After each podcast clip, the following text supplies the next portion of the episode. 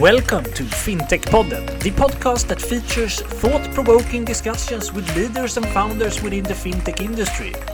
From core banking to Bitcoin, we cover it all. Now, get ready for the next episode.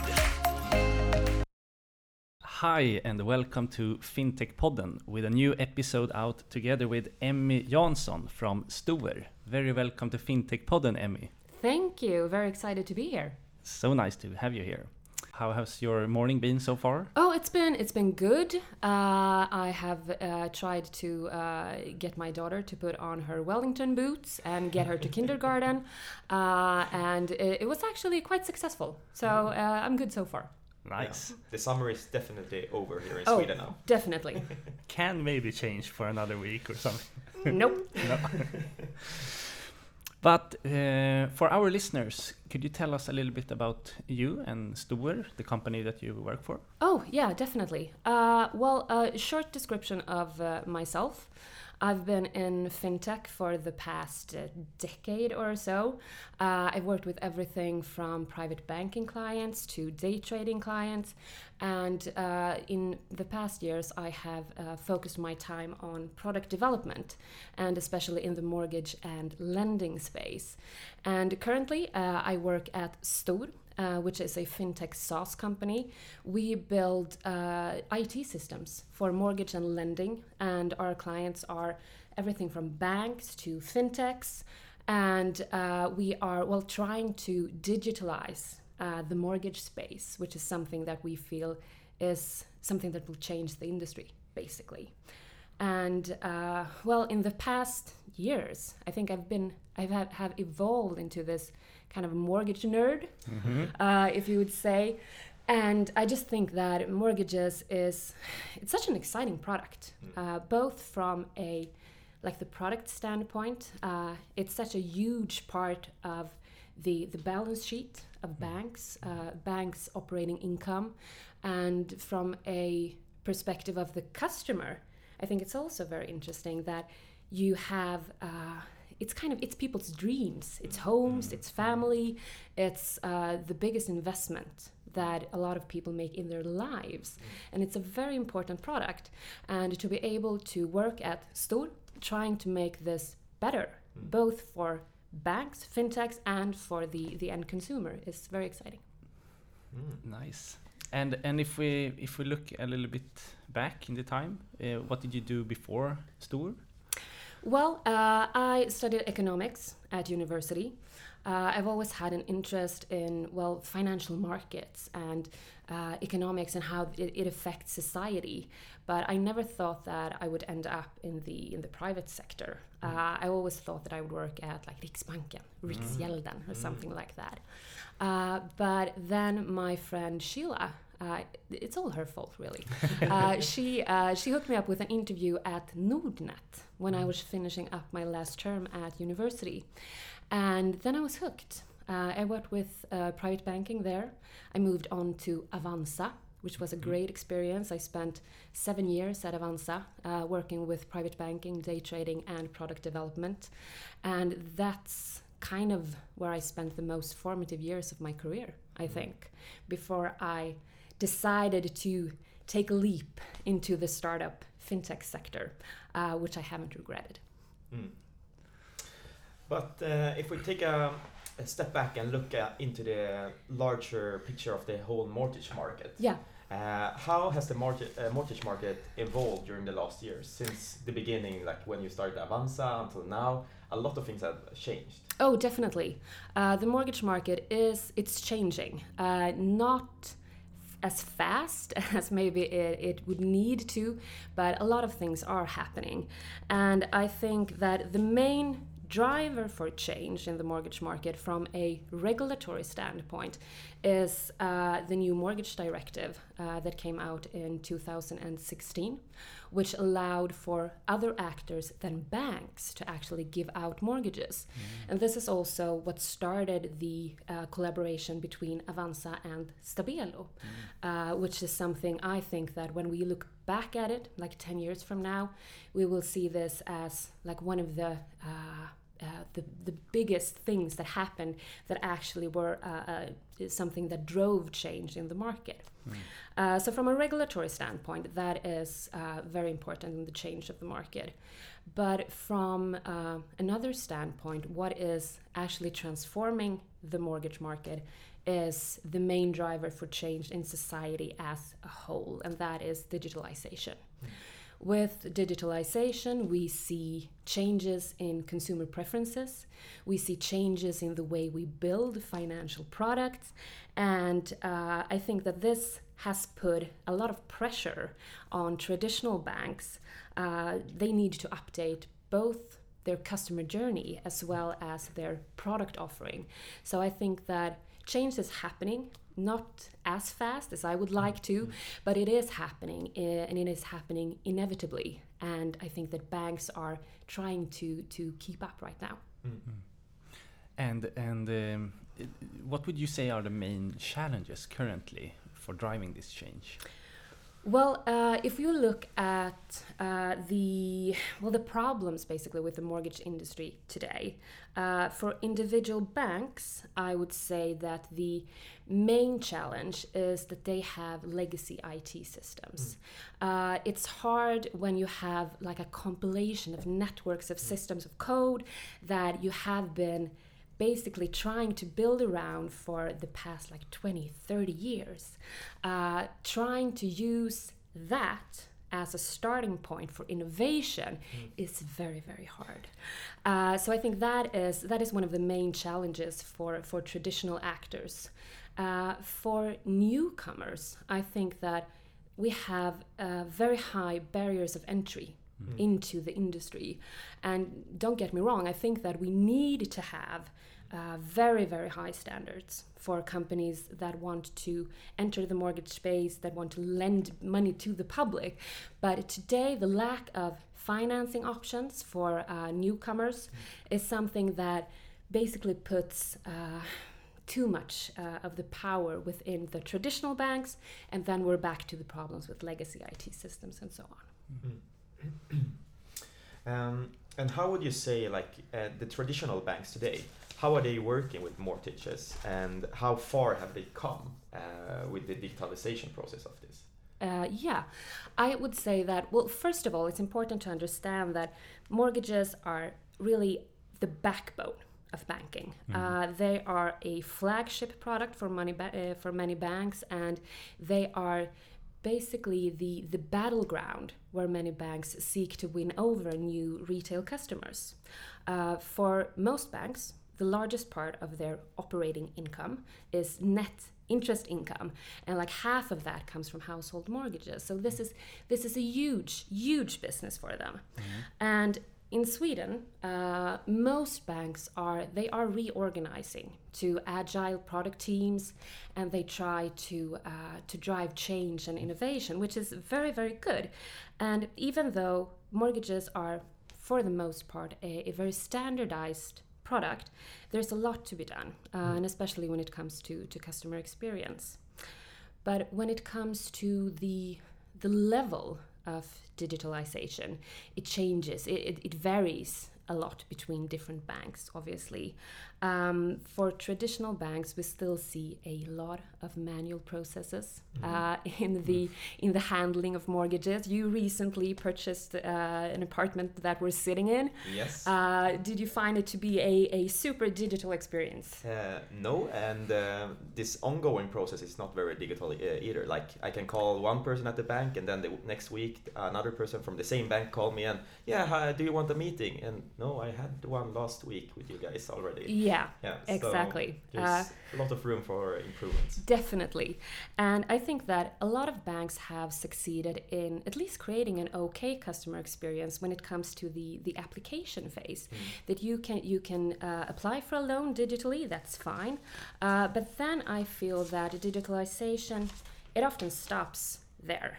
That when you press the okay, I want to apply, uh, and behind the scene, there's still this bank agent left with all these like tedious manual tasks. Uh, they still use fax machines uh, in some banks, which is so strange. And um, the response time to customers actually applying for a loan. It can be days, it can be weeks.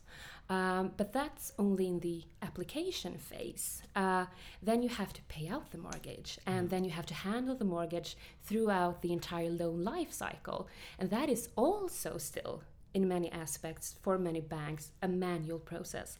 They call you, you have to call them instead of having digital self service, which we know is something that the client really, really wants.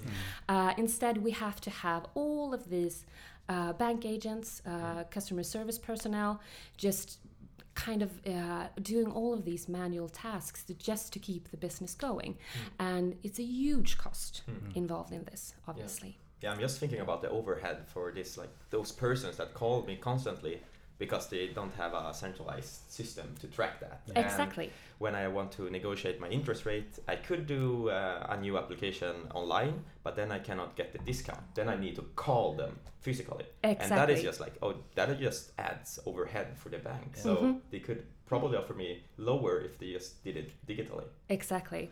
And I think that a lot of banks try to, and they value the, the personal connection and the personal contact that they have with their customers, which is good. I love a personalized contact with the different companies that I use, but it shouldn't be forced, as you described, and it shouldn't be like unnecessary manual steps because we know that when the bank has all of these costs mm. involved just with you know having you as a mm. customer you know that this is something that you pay for in the end. Mm. And uh, it could be more digital it could be cheaper and that transforms into lower interest rate and lower fees for the customer. And that is something that we all want right? Yeah. So, so, so the cost of not having it digitalized, we have now discussed a little bit. But what other mm, costs are involved in in the mor- mortgage, uh, in one lend, uh, one uh, mortgage? Uh, well, for banks, you mean? Yeah. Yeah, I you could say that. Well, to to put it uh, in in uh, kind of easy terms, uh, the main cost when producing a mortgage is financing cost and operating cost. And financing cost is basically the cost of producing the money that uh, the, the bank lend to you. Uh, when you come to, to the bank and ask if you can have a mortgage to buy a house, uh, the bank agent, they don't go to, to the bank vault and like get a bag of cash and give you. Uh, this is a complex structure. It involves uh, deposit, uh, for savings accounts and such. It involves uh, mortgage, um, uh, mortgage bonds, and it's a very complex, complex structure to actually produce the money that then is lent out to to the actual consumer, and. Uh, the cost of this depends on basically the credit worthiness of your business. If you're a large, steady, secure bank, uh, you can lend uh, money to use in your mortgage business quite cheaply. And that is why the, the margins for a large bank have a tendency to be higher uh, in their mortgage business. For newcomers, in the mortgage business, uh, the uh, Bostadskreditinstitut.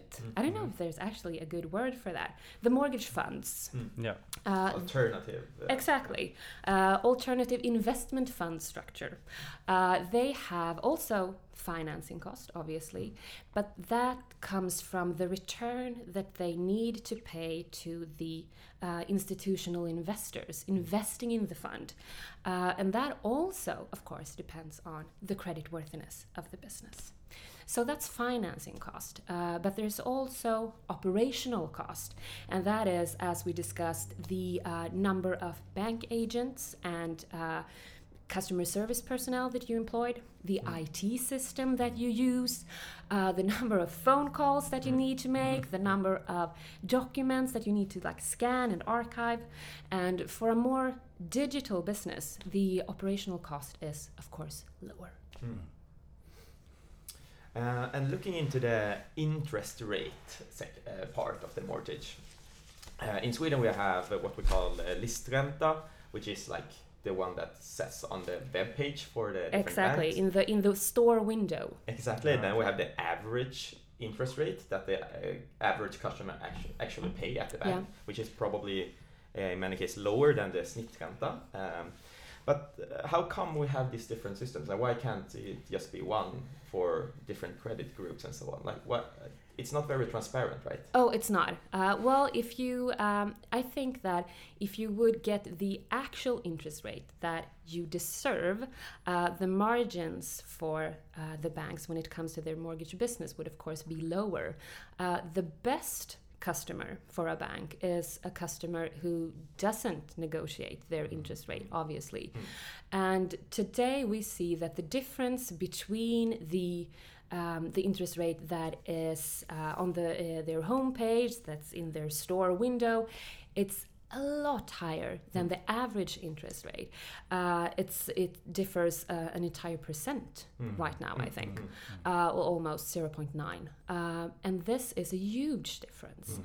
But they uh, they earn a lot of money from these uh, these customers that don't know or Mm. maybe don't even care. Mm. They don't have the the energy or they don't have all of the information available to actually uh, try to get the interest rate that they deserve. Mm. And of course, it would be more efficient if uh, we could use data.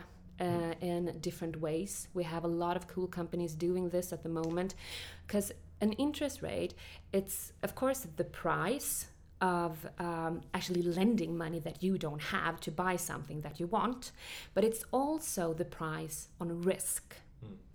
And today, banks have a tendency to uh, divide different customer groups into these different risk categories but the risk categories they are very wide and instead if you could use more data and get a more distinct like um, uh, risk perspective on a specific client you could actually give this person an interest rate directly uh, that the client's uh, risk perspective uh, deserves, Mm. if you would say. Mm. And so this is something that I hope that we will see a lot more of in the future. And uh, th- this leads us a little bit into uh, what you're doing today at Stoer. Yeah. Um, could you tell our listeners a little bit more about Stoer? Because I don't think that everyone knows so much about you yet. Uh, not yet. I hope that I hope that uh, you guys will soon. Well, I'm happy to talk about Stoer. Uh, is a tech company. We work in the mortgage and lending space. We build systems for banks and uh, other actors who give out or originate, as you say, mortgages, and also for actors who help customers find their best interest rate, mortgage brokers. This is kind of a new business venture for us. Um, our ambition is to, to solve a lot of the problems that we have discussed earlier with these legacy systems that are hard to use as a basis for, for innovation. Uh, and by using our systems, uh, banks and mortgage brokers they can actually offer their uh, their end consumers a high-end digital customer journey. Uh, they can get rid of all these manual unnecessary steps. Uh, they can increase conversion rates and actually increase their business, and also save a lot of time and money. Mm. And uh, what we do is that I think we deliver a truly digital credit and, and mortgage solution. Uh, and we do this for the entire loan life cycle, also, as we discussed. It's not only about the application phase, it's about everything that happens uh, after that. It's the disbursement of the loan, it's all of the changes of the interest rate, it's self service throughout the entire loan life cycle. And by handling everything from start to finish, we save a lot of time and money for the banks. And hopefully, this is something that the banks will give back to the end consumers in the form of a better customer experience, of course, but also in the uh, in the form of lower interest rates. Interesting. And and ca is it possible to make it com- the journey, the customer journey, completely uh, free from paperwork today? Well, today, unfortunately, not, because we have this rule where you need to send in an amortization document. Uh, we have all of these rules regarding how much you need to pay back uh, on your mortgage each year. And if you transfer your mortgage uh, from a bank to another bank, the new bank needs to know know what rules applied to your mortgage when you applied for it and uh, how that will affect uh, the mortgage when it is moved to the new bank. Mm. And that is still uh, a document that you need to request Mm. from your current bank. Uh, currently, there are two banks that you can uh, uh, get it in PDF form on your Mm. email. Mhm. And for the rest of the banks, well, maybe there are more now, I don't know. Uh, but for the rest of the banks, for most of them, you need to call someone. Mm. Uh, maybe you, uh, they need to send it to you. Uh, in a physical form in the mail so that you need to scan it and so on uh, so right now it's it's not the system and all of the rules around the system is is not 100% compliant with the digital process right but we have tried to find ways around this to digitalize as much as humanly possible. And for instance, our system allows you to uh, just take a photo of your amortization document, upload it, and then we have machine reading. Uh, that can actually uh, transcribe the information because all of the documents look different from the different banks also. Uh, even though the uh, bankförening they have this standardized but not everyone uses it. Uh, so by using machine reading uh, the information from that document can at least be transferred into the system. So you don't have to have a bank agent actually holding the paper and transcribing it manually.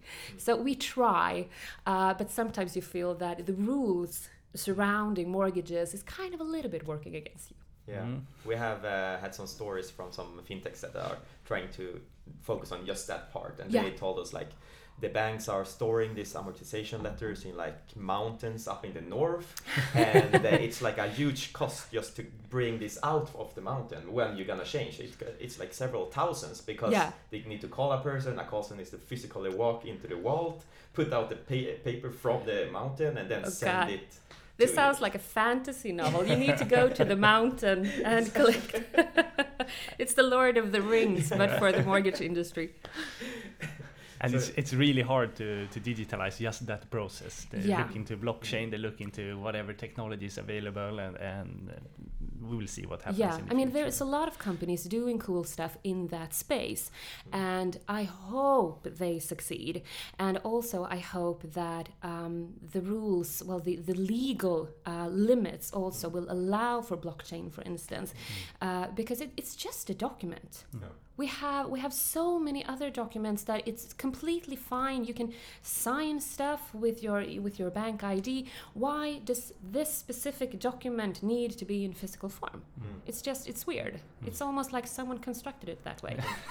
But the rest of the Nordic countries actually has done this transformation already uh, in some parts. So Sweden is actually lacking behind, uh, lagging behind. Uh, Which is weird Yeah. because Sweden is, in general, such a digitally forward leaning Mm. country. And this is, mortgages in, in general is kind of the last frontier when it comes to digitalization. Mm. But we're working on it. Yeah.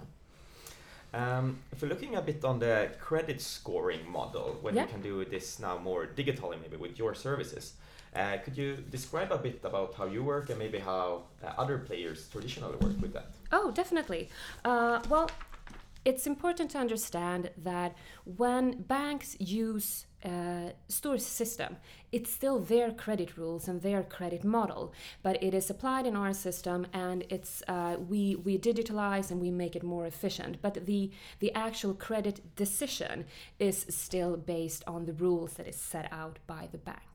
Then we try to, of course, influence and try to influence banks to use data uh, in a better way to make more informed and intelligent credit decisions. Because today it's kind of square. Uh, banks look for stability. They look for balance. They uh, look at how um, what is your salary like? Uh, do you have any other um, do you have any other loans that we need to fit into to this budget? How old are you? Do you have kids at home? Do you have a car? And so on and so on. But banks also um, in the model they uh, need to make sure that you can pay the interest rate and the amortization for your mortgage not only now but in the future. So in the calculation, say if the interest rate now is 1.5%, uh, but you need to show to the bank that you can actually pay an interest rate of 6%, 7%. Uh, and this is something that they need to uh, you to show that you can do in your current economic situation. But nothing is taken into account about you personally. Uh, it's uh, if you have just started your new job, but you have great career prospects. Uh, if you have invested in a small business, for instance, it also has great prospects. This is not taken into account. Uh, and by using smart data and by using more personalized data, uh, the bank could make better credit decisions. And this could also benefit, of course, the, the end consumer. Hmm. I think this area is pretty interesting because uh, yeah, I recently applied and got a mortgage, and then when you see of uh, look at their calculation on my costs, they, Yeah. they haven't looked at my actual cost. They have like No. an average of a Yeah. person in my age in Sweden, so it says like uh, cost for car X amount of thousand kroner per month. I don't own a car, Yeah, and it just goes on and on and on. I just like this doesn't like Exactly. at all. Yeah. exactly. It comes from uh, Konsumentverket. Yeah. Uh, and they have calculated basically what a 28 year old male needs to spend on toothpaste each month. And then the banks actually need to use this in their calculations. And I mean, for 10 years ago, I mean 20 years ago, this was super efficient hmm. uh, because then you you didn't have time to actually have a meeting hmm. and ask you how much you spend on toothpaste. Hmm. So it was very good that we had like standardized standardized sums for that. But now with the vast amount of data out there and with PSD2 data and so on, I mean, you could, with the, the customer's approval, of course, uh, get so much information. Uh, you Yeah. could get a, uh, a calculation basically of how uh, how much will you make uh, 12 years from now based on um, your education level and where you work. I mean, this is something that banks could use a lot more, and I think that this is something that they will use a lot more in the future. And talking about that and PSD2 and, and, and open banking, which is a, a huge growing trend, maybe not yet adopted that, that much in, uh, all over the place and by customers in Europe and so on. But uh, how do you at Stoer and do you use and can use any kind of data from, from open banking into your current systems and uh, Definitely, solutions? definitely. Uh, as I said, it's still the bank that uses our system that decides how they want to use it. But we have tried to uh, incorporate a lot of third party data sources. Uh, for instance, if uh, the bank wants to uh, use more data about your salary. Uh, instead of just using a traditional credit lookup, you can also, uh, by using Tink, that we have an integration towards, uh, you can use PSD2 data to scrape transaction accounts to get a, a better view of the finances. Because we all know that the traditional credit lookup it comes from Skatteverket, and it's it's like a year Yeah, yeah, Old. Yeah. And if you are like if you're a young person and you Yeah. just started working, you can be super successful. But in the bank statement that the the bank uh, gets from you, it says still that you live on CSN, Yeah. Mm, and that won't give you a mortgage. Uh, so in our system, uh, you could either uh, use PSD2 data as um, uh, an addition to a traditional credit lookup, or you can choose to ignore the uh, the traditional credit lookup altogether and just form an, an um, uh, a calculation and base your information about the client on actual current data.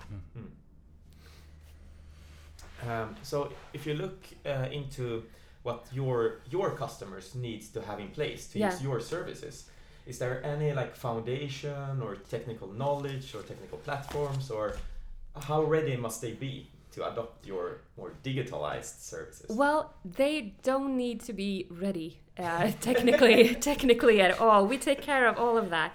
Uh, what our clients need to, to use us is, of course, they need a license to, to give out or to broker mortgages. But we have worked with everything from very traditional banks already having uh, an IT system in place that we can either replace or uh, use as kind of a hybrid solution. But we have also worked a lot with um, fintech actors uh, who have no IT system in place whatsoever, and they have an idea and they have just applied for a license. And they come to us and like okay hey we need something maybe computers i don't know. And we uh, we can take care of the entire journey for them uh, which is good because then they don't need to set up an expensive it organization uh, in-house they can just outsource that to us and we take it from uh, just the the entire process for them Are there any main difference working with a bank versus a fintech in your opinion? Well, yes. uh, I think that well, the um, they have the same end goal, and they all want to have. Uh, I mean, I don't mean to to talk negatively about banks. I think that a lot of people working in the banking sector, they have great digital ambitions and they want to do great stuff for their customers. And I think that traditional banks and fintechs alike, they come to us to solve problem. Uh, they want to have a more digitalized customer experience, they want to reduce cost, uh, they want to have a high end technical solution. The problem, maybe, for traditional banks is that they already have something in place. They have this code compilation that is from the 70s uh, sometimes, and it's kind of hard to uh, it c- it can be hard to to manage our more high end technical solution and how it will work and integrate with their current system because it's hard just to completely replace a technical system that is so integrated into business logic and everything.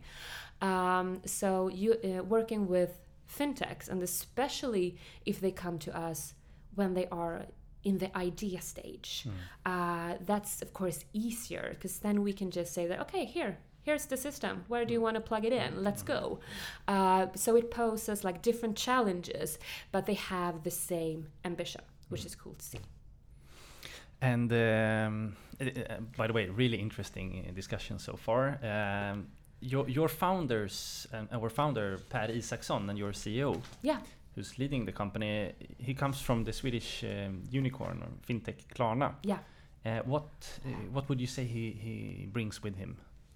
Well, uh, both uh, Per as well as actually everyone on our engineering team have uh, have an ex- uh, uh, background from uh, from Klarna. So he brings the whole engineering team. not the not the entire. We're 13 people, uh, but he uh, he has worked with all of our engineers previously and handpicked those that he he think uh, that he thought are, are very good, and obviously they are. Uh, and what they bring with them, apart from the obvious, which is the experience to build very complex high-end systems for the financial service industry, is I think Pat he usually talks about like three key learnings that he take with him from from his time at Klarna.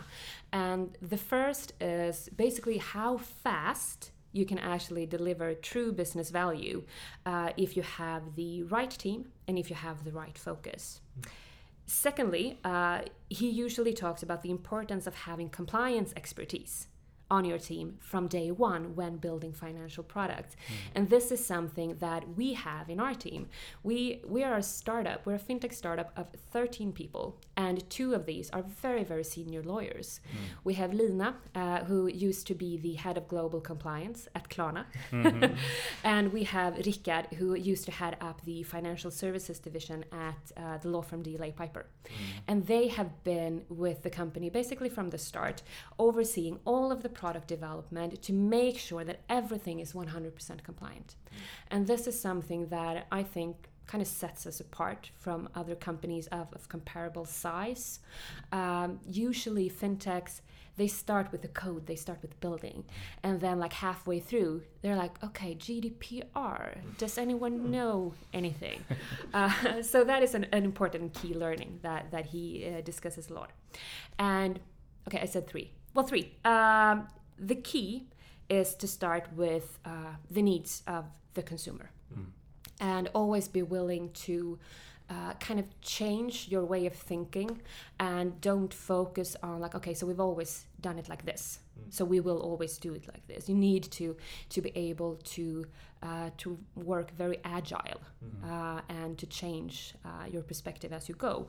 And i think that all of these lessons is something that is very very much incorporated in Stoer and how we work and especially how we want to build our company culture uh, and uh, with the customer focus with an agile mindset and uh, always be willing to to change and adapt Mm. I think this might lead us into the next uh, topic. Uh, uh, what does the mortgage customer's journey look like in the future, according to you guys? the mortgage journey or the mortgage customer The mortgage journey for the end customer. Yeah. Uh, well, I think that well, we're seeing basically we're in the middle of this transformation of the market, and the uh, the finance sector it changes as society changes and uh, as consumer preferences change. But the first thing I think that we have seen the end of actually physically going to a bank office. It's insane that people in some instances like still do this. Um, I uh, also feel that, as we said before, that Sweden is is a very digitally forward-leaning country, and I think what we have experienced now in the past few months with COVID-19, this has propelled like the uh, the digital awareness and the digital experience of the the entire like consumer base, and so going to uh, a physical branch of the bank, that's just not going to happen anymore.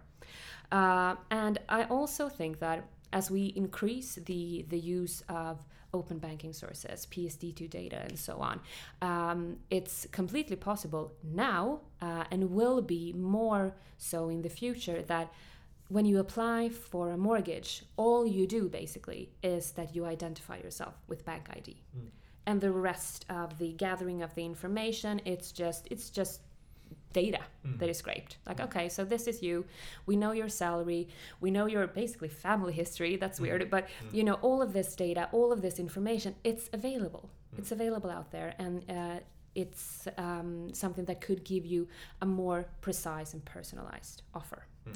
Um, I also think that with digitalization, we also will see a huge rise in mortgage brokering. And this is something that is uh, is of great focus to us right now.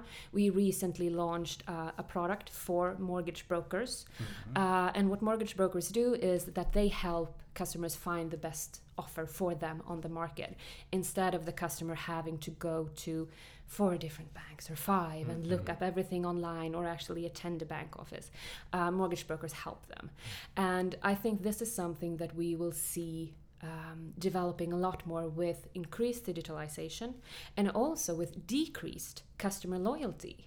In the future, the, the customer won't care. Uh, what what bank they actually have their mortgage, uh, it will be a question of the the product offering, and if you don't have a loyalty to a specific bank, then why not use a mortgage broker? I think this is something that we will see a huge rise in. And um, yeah, that leads us to the question about wh- what is the end goal of Stoer? Well, I think that the uh, the end goal of Stoer uh, is to become the market leader in our field of mortgage and lending systems. Uh, but still, we want to work with banks, we want to work with fintech, we want to have a position in the market when actually we can lead the change instead of adapting to it. Uh, but also, something that is very important to us is that we want to keep our startup entrepreneurship core uh, and just continue to to innovate and uh, try to do new stuff better stuff and not ever become like fat and happy Uh, that's that's our end goal Sounds like a good plan. yeah, Um, moving into some more personal questions now in the end, maybe. Um, if you had to choose one fintech uh, in the world that you think are doing a great job, except Stoer, of course, uh, which one would you say? Uh, well, I think I'm very focused on on uh, Sweden obviously. But I would say, and I have to name a few, can I? Yeah, Yeah. Okay, absolutely. good. Uh, I would say that uh, Anyfin, Mhm. uh, they're doing really cool stuff. I know that you had their CEO here on the podcast a few weeks ago. Yeah. What they are doing with data and uh, just using data in new, innovative ways uh, to benefit the end consumer. Uh, they do it for consumer loans. I think that this is something that hopefully will transpire into to mortgage loans as Mm. well. Uh, they're doing a lot of cool stuff. Uh, I'm also a big fan of Pepins, uh, the uh, the marketplace for uh, unlisted companies. I think they are doing a lot of great stuff, um, and I'm looking forward to seeing where they where they're going to take uh, all of their uh, exciting plans. Yeah. And uh, lastly, uh, I'm very much looking forward to to seeing P uh, P27 Yeah. Mm. the um, cross-border multiple currency Yeah. um, uh, system. I, I'm very, very curious if they are going to make it work and how it is going to work and how it will affect uh, basically payments Yeah. uh, on a broad spectrum. Uh, so those are three companies that I follow very closely. Mm, interesting. Yeah. We had him, the, the CEO, Lars, on, on the podcast. You did? Uh, yeah, Yeah. like a half year ago. Okay, okay, like cool. He promised they will be live in uh, 2021 Q1. that. We'll see. Okay, first quarter. Ambitious. All right. Um, a final question. Mm? Uh, now with your the, the experience that you have both from Avanza and Stoer and, and so on, what advice would you give to those fintechs that come with an idea and so on and, and want to grow into the fintech business? Uh, I would say do it. Uh, there's there's so many fintechs that have gotten a great start. We are transforming the industry, but there's still so much to be done. And I think that you need, if you have a great idea, uh, don't be afraid to ask around, uh, see if you have someone in your network who has worked even remotely with this. Just ask them four million questions uh, just to get you started. And also, as I said before, the importance of if you're going to work with customers, like business to business customers, uh, that are regulated entities, banks, and such, uh, you need to have compliance expertise. Mm. Uh, maybe you don't need to hire like a senior lawyer the first thing that you do, but make sure that someone looks at your product development so you don't need to like scrape it and start from scratch. Uh, but otherwise, I mean, fintech is it's such a huge industry right now. It's so broad, and um, it, it's very exciting that we see that this is something that not only changes our well small part of the uh, of the industry, but it's something that also has the the power to to change uh, society as a whole. How we borrow money, how we spend money, how we uh, how we use data. Uh, it's very exciting. So uh, come join, please. Yeah. All right. It's been super interesting to have you here in the podcast. super fun to be here. My f- uh, getting to to talk like 45 minutes about my favorite subject. It's very good. Uh, but before we end, um, how do do li- our listeners find Stoer? And you find us at stoer.se. Uh, you can also look us up on LinkedIn. Uh, please do. Uh, please uh, look at our homepage. Uh, you can also contact me or our CEO. Our email addresses are on the homepage if you're interested in learning more about us and the digitalization of the mortgage market. all right, thank you so much for. for Thank for you, being in the guys. podcast. And that was it for today's episode. We hope that you liked it. Both I and Johan are very happy and thankful that you're listening to us. And if you like what we do here, please go into iTunes or whatever platform you're listening from and leave a review or a rate. We would appreciate that a lot. We will soon be back with another episode, and until then, have a good time.